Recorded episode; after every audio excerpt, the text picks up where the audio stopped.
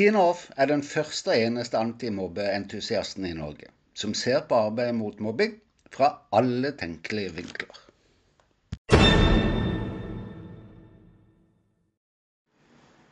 Selv om du kanskje er superduper klar for ferie og pauser fra matpakker og lekser, skoler og møter, er ferie i dag ikke helt som det var da du og jeg var unge. Det er ingen pause fra mobbing, så sant vi ikke skal gjøre oss til verdens mest upopulære foreldre da, og holde barna unna jevnaldrende og PC og mobil. Ja, det kan bli en morsom og en slitsom og en lang ferie for oss. Har vi andre alternativer? Klart vi har. Velkommen til episode 33. I dag har jeg lyst til å skille litt mer mellom barna som opplever uh, mobbing, som utsettes på den ene sida, og barn som utøver. De kan stå foran store utfordringer også utenfor skoletida, og dermed også i ferier, men på ulike måter og med ulike behov for vår hjelp, støtte eller øving. Mitt forslag er at de ting som fungerer, de fortsetter du selvfølgelig med. En utfordring på hver side som stadig foreldre spør meg om, fordi det kan være tøft å vite hva en skal gjøre med, er det jeg har tenkt å dele med deg i dag. Den første situasjonen er når barnets behov for kontakt med jevnaldrende er så stor at barnet lar seg utsette for mobbing. Bare for å ha kontakt med noen. For oss foreldre kan jo det se ut som det bare er et turbulent vennskap. At det går fint noen dager, mens andre dager går det skikkelig skeis. Og sånn veksler det. Om ditt barns erfaringer med mobbing har satt store spor, kan slik kontakt med være veldig skadelig for ditt barn. Det kan reaktivere mobbeerfaringene og helsekonsekvensene, og virkelig utfordre bedringsprosessen. Om dette gjelder ditt barn, kan du vurdere om det er rett at denne kontakten mellom disse barna skal få fortsette. Litt avhengig av hvor gammelt barnet ditt er, kan du kanskje også tenke over om det er riktig at det er ditt barn sjøl som skal makte å ta avgjørelsen om å ikke ha kontakt med det andre barnet, eller om det er bedre for barnet at du tar den beslutningen om å avbryte kontakten. En slik foreldrebeslutning kan til og med bli en lettelse for barnet, fordi barnet har det å skylde på når det eller de andre barna maser om hvorfor de ikke får kontakt med ditt barn. På den måten kan du skjerme ditt barn.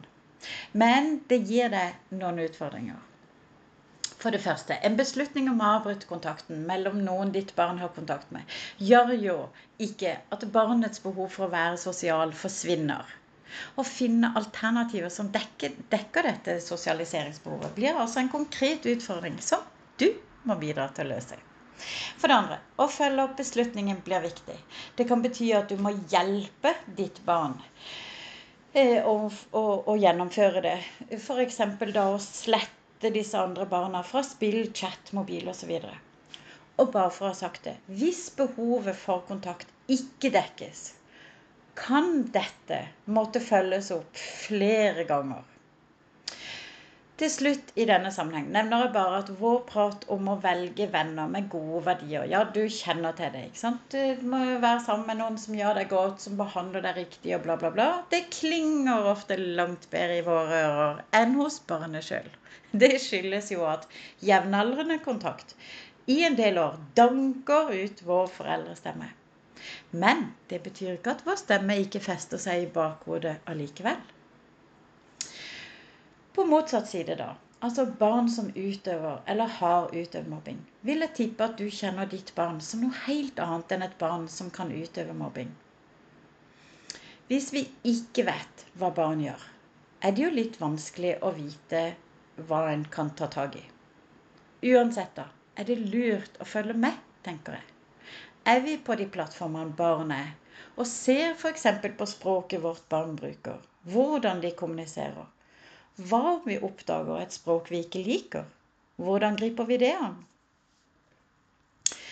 Kan det være en idé å bruke noe av ferien på å øve på ordleggingen og nettspråk? Kanskje kan vi modellere fremfor å komme med belærende, uansett hvor velmente de er, råd. F.eks.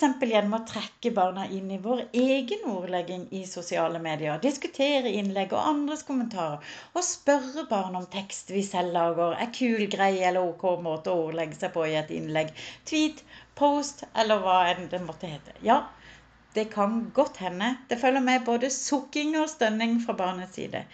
Men det gjør det jo også når vi ber dem om andre ting, som å rydde rommet f.eks. Gjør det ikke? Jeg erfarer at det har en verdi uansett på sikt. Uansett hvilken strategi du velger, håper jeg ikke den heter kjefting og fratar barn PC-tid og mobil. Kan vi ikke heller hjelpe de bli flinkere? Grunnen til at jeg sier det, er at barn som tidligere har utøvd mobbing, viser seg utrolig bevisste, omsorgsfulle og ikke minst rettferdige, men også særlig selvkritiske.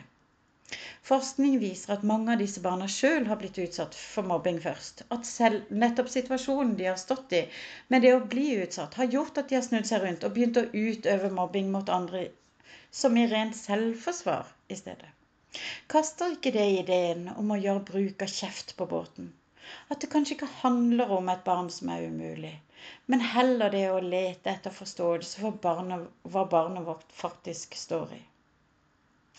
Jeg leste i en eller annen rapport at 65% av mobbingen som foregår, foregår på skolen.